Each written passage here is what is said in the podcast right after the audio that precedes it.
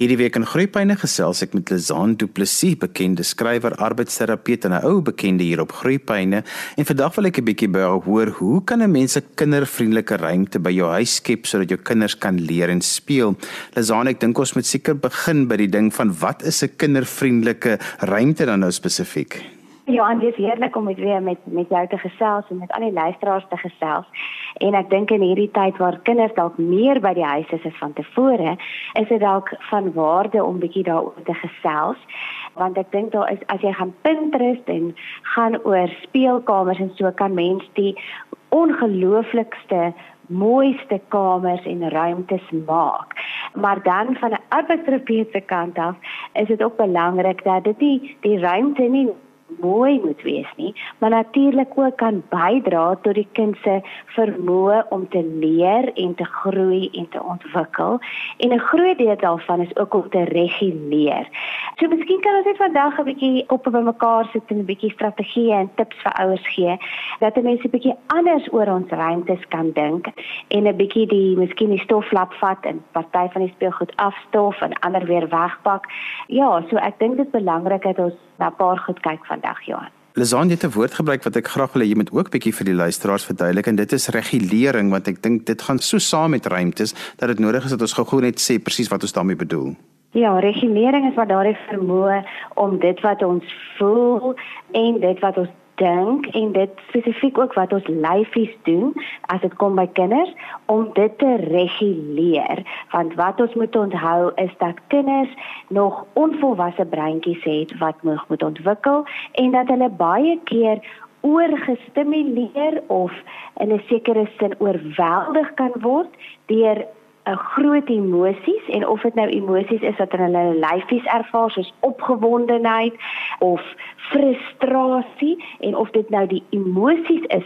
Kinders ervaar dit baie keer baie intens en ons noem dit groot emosies en dit kan dan hulle breintjies baie keer oorweldig en dan weet hulle nie wat om daarmee te maak nie.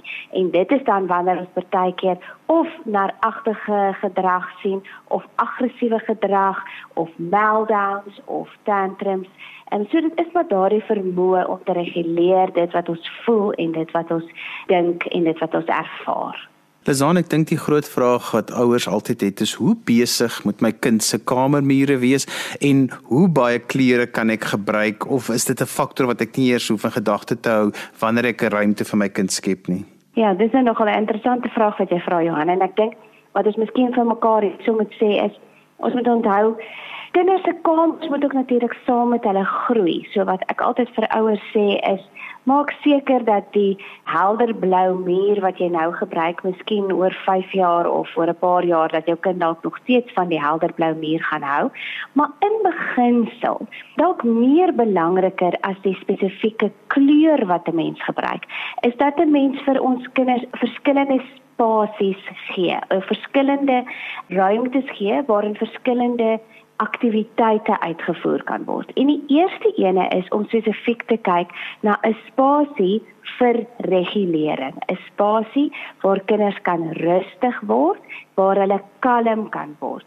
So as daardie die spasie en die primêre rol of die funksie van die kind se kamer is, dan sal dit belangrik wees om dalk meer na neutrale klere toe te gaan.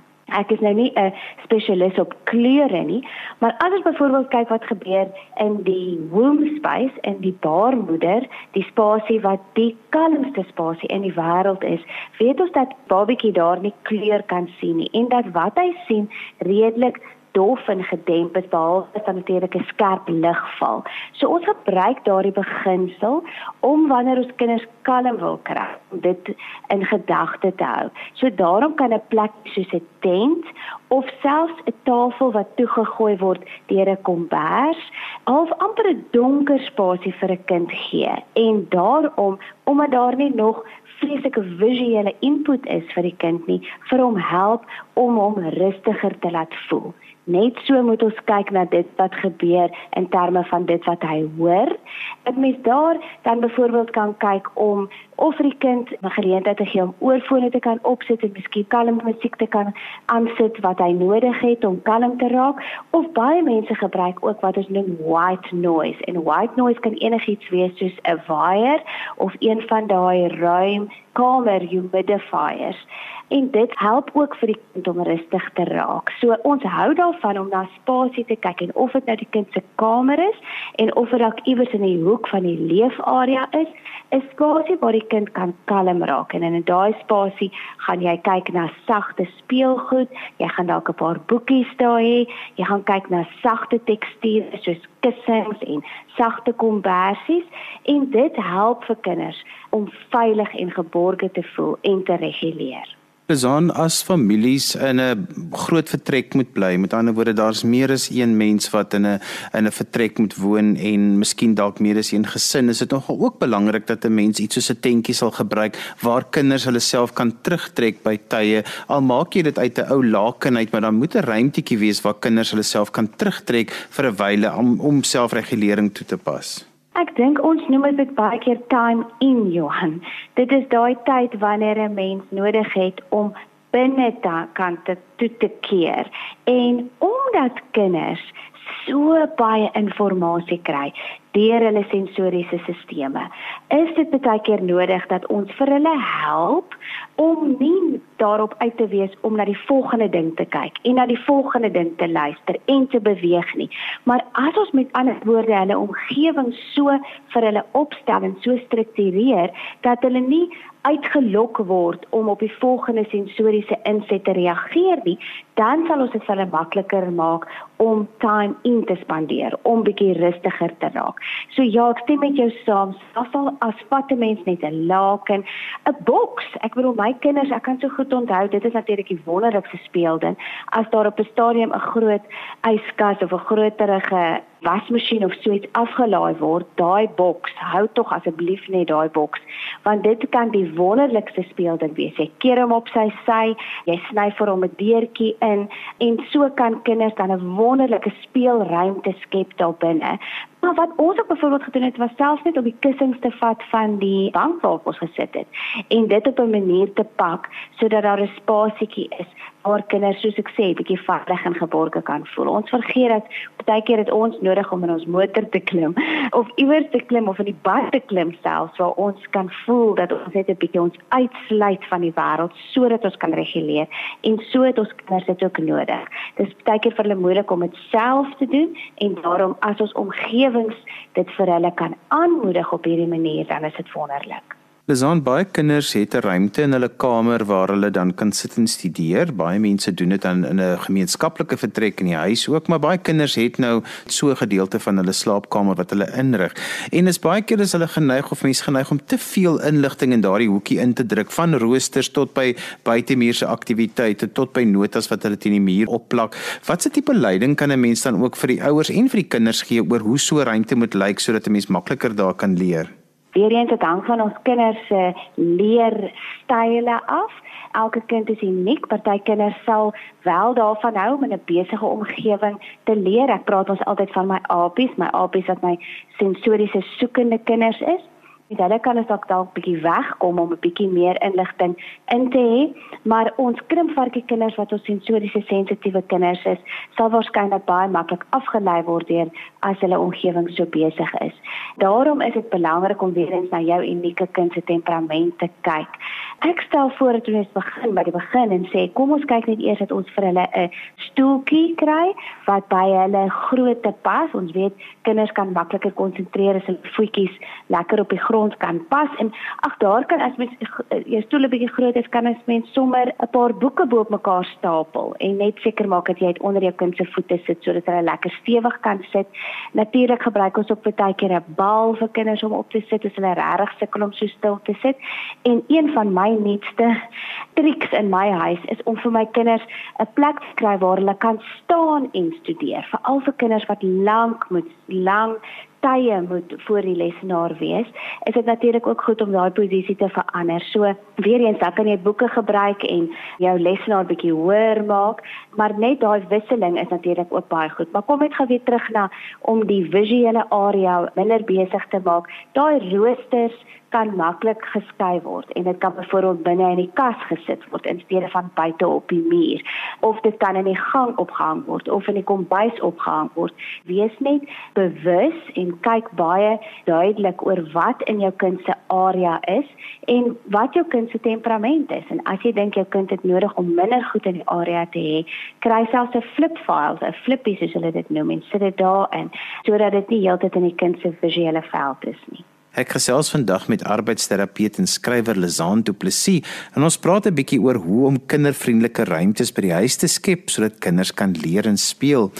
Lizaan, ons het nou lekker in die eerste gedeelte gesels oor kinders se kamers. Ek weet nie of daar nog iets is wat jy oor die kamers wil sê nie, maar dan wil ek graag 'n bietjie na die res van die huis toe gaan en ook 'n bietjie buite kom. In Suid-Afrika is ons baie bevoordeel om buite areas ook te kan hê en wonderlike weer te kan hê waar ons buite kan speel. So ons kan gerus bietjie daaroor praat. So hoe ek dit baie keer vir ouers voorstel Johannes om te kyk na nie net spesifiek in kamers en dit in definitiewe kamers in te deel nie, maar te sê, okay, kom ons kyk hoe kan ons in ons huis hierdie volgende zones maak? Aan die een kant moet ons 'n kalm sone maak en ons het nou in die eerste deel lekker daaroor gesels om 'n kalm, rustige omgewing vir ons kind te skep en wat alles daar moet wees sodat hulle kan reguleer. Maar dan aan die ander kant is daar nog 'n paar ander ruimtes waarin ons ook kan kyk. En die een is om ruimte te skep vir sensoriese speel, om ruimte te skep waar kinders maar bietjie morsig kan raak.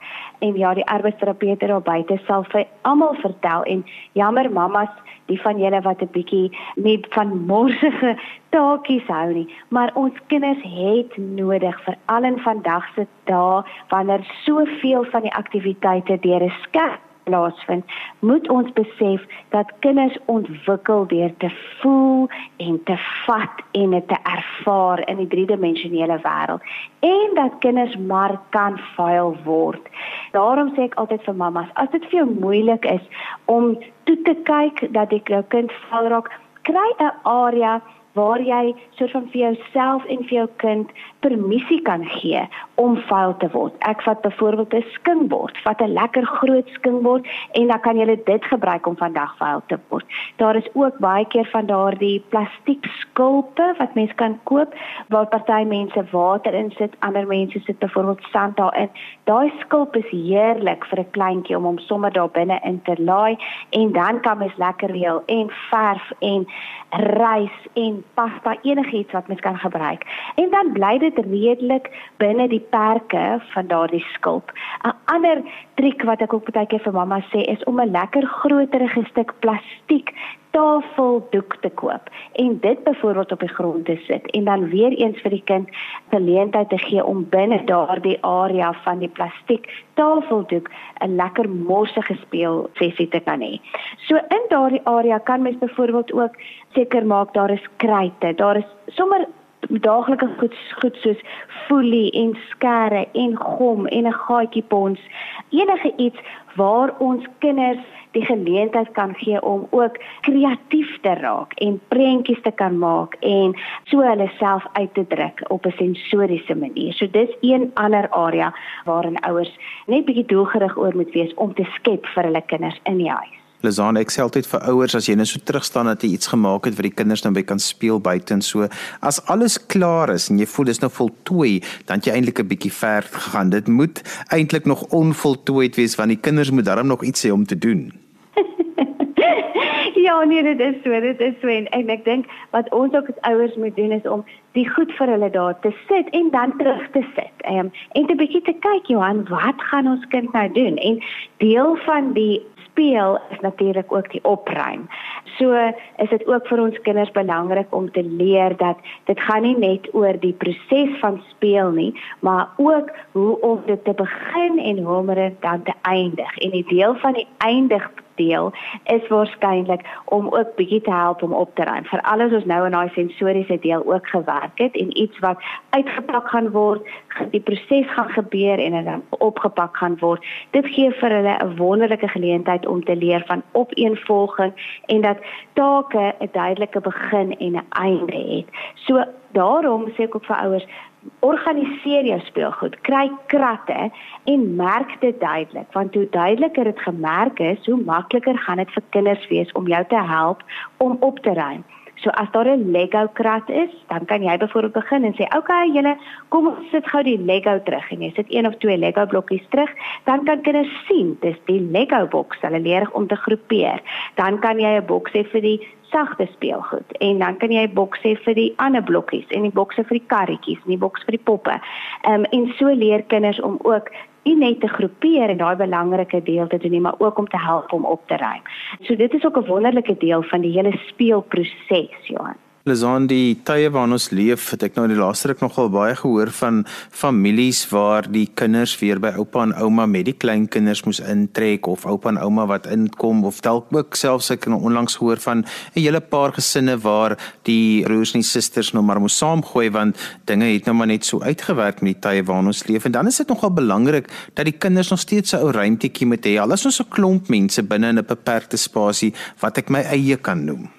Ja, nee, dit is so en ek dink wat baie keer hier miskien van ware kan wees, is of net so 'n klein mens kry mos daar by enige winkel, ja, en kry mens daai plastiekhouers waar jy byvoorbeeld skoonmaakgoed kan insit of 'n tassie wat jy kan toesluit, 'n plastiektassie. As dit dan nou so is dat dit baie moeilik is en dat mens baie ruimtes moet deel, sal dit dalk van waarde wees om 'n paar speelgoedjies wat vir jou kind belangrik is, wat sy eie is in daardie tassie miskien te sit en vir die kind toe te laat om dit saam met hom te dra. Ek dink nou byvoorbeeld aan weer eens hoe lekker kan die ruimte onder 'n tafel wees om te speel. Ons as volwassenes, dis nou nie noodwendig 'n plek waar ons gaan gaan nie, maar goeie laak en goeie kombers daarbo oor en dis 'n wonderlike speelarea vir 'n kind en 'n area waar hy weet waar ons dalk nie noodwendig gaan binne tree nie wat sy area is. Ek sê altyd vir ouers ook want dis vir hulle baie keer moeilik nou van die ons as dit nie heeltemal van toepassing waar jy nou praat nie maar kinders wat sukkel om te deel vir alles ouers sê maar maatjies kom en hulle sukkel om hulle eie speelgoed te deel. Ons moet besef dat ons dit is nie heeltemal regverdig van ons kinders is om te verwag dat hulle alles moet deel nie want so het almal van ons spesiale goedjies wat soort van wat ons ons eie ag en om watter rede ook al. En daarom sê ek altyd vir mammas, voordat jy nou weer die maatjies kom by die huis speel, gaan saam met jou kind deur sy kamer en verduidelik vir hom die reëls en sê so en so gaan kom. Natuurlik gaan dit goed wees as ons jou speelgoed deel, maar mamma weet daar's een of twee goedjies wat vir jou baie belangrik is. Kom ons pak dit weg en ons sit dit hoog op of ons sit dit in 'n kas of ons sluit dit toe sodat die maatjie nie noodwendig daarmee ook hoef te speel en dat die kind dan in 'n soort van blootgestel daar word om regtig sy spesiale goed te deel. En so geld dit dan ook vir mense wat saam bly. Maak maar 'n punt daarvan om vir kinders die geleentheid te kry om een of twee goedjies hulle eie te maak wat hulle nie hoef te deel met ander nie. Leson, daar's baie van hierdie komplekse waar en woonstelblokke waar daar maar baie streng reëls is ten opsigte van om jou kinders uit die woonstel uit te kry of uit die gemeentehuis uit te kry. Hulle kan nie regtig op die straat speel nie. Daar is gemeenskaplike areas waar die kinders kan speel.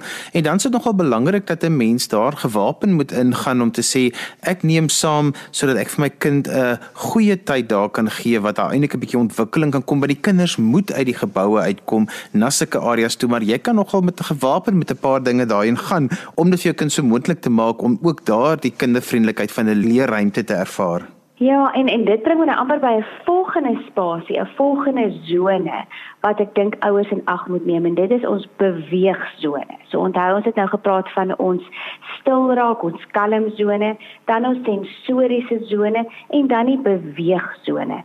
Kinders het nodig om te beweeg. En daaroor moet ons baie doelgerig wees.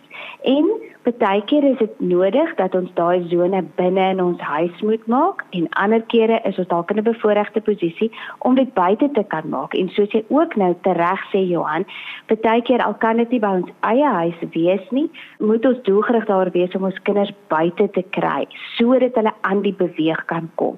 So kom ons kyk bietjie wat nodig is om in so 'n sone beweegsone te hê.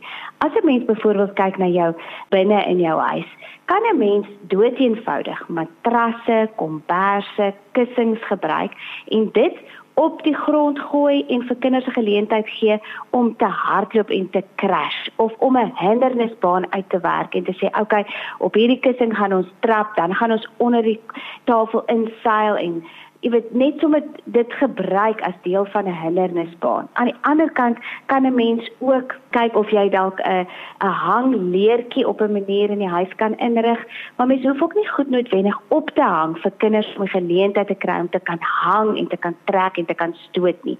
Jy kan doeteenvoudig 'n boks vol boeke maak en dit kan jy speel as jou vragmotor en jy laai hom en dan stoot jy hom deur die huis. Mens kan byvoorbeeld ook jou eie liggaam gebruik en lekker rof stoei. En dit is waar pappas en mammas 'n belangrike rol speel. En maak vir jou 'n lekker spasie oop. Kyk of jy kan bo op die bed speel. Jy kan miskien op die mat speel enige spasie waar 'n bietjie die kinders aan die beweeg kan kry en hulle spiere en hulle proprioseptiewe sisteme wat binne in hulle spiere en ligamente geleë is, kan aktiveer. Maar dan ook soos jy nou tereg sê, as mens buitekant toe gaan, is dit ook goed om 'n bietjie op die uitkyk te wees na wat is daar wat mens buite kan gebruik om ons kinders aan die beweeg te kry. En dit kan doeteenvoudig 'n stok wees wat mens kan optel en mens kan amper 'n swaard speel. Jy kan 'n bal saamvat, 'n bal is 'n fantastiese speelding wat mens kan soveel met 'n bal doen en dan wees op die uitkyk vir enige iets waar mens byvoorbeeld ook kan swaai en waar jy kan klim en klouter en waar jy kan afgly. Ons kinders het regtig nodig om daai spiere van hulle te laat werk. Lesanus mense met jou verder wil gesels, hoe kan hulle met jou kontak maak? Hulle kan gerus met my kontak by info@lezanduplessis.com. Ek is ook op Facebook en op Instagram by doelgerigte ouerskap beskikbaar en ek is altyd baie heerlik om met ouers te gesels Johan. En so gesels die Zaan te Plessis, bekende skrywer en arbeidsterapeut en ons het vandag gesels oor hoe om kindervriendelike ruimtes by die huis te skep sodat kinders kan leer en speel. Onthou jy kan weer na vandag se program luister as 'n potgooi laai dit af by resgep.co.za. Skryf gerus vir my e-pos by groeipyne@resgep.co.za. daarmee groet ek dan vir vandag tot volgende week van my Johan van Lille. Totsiens.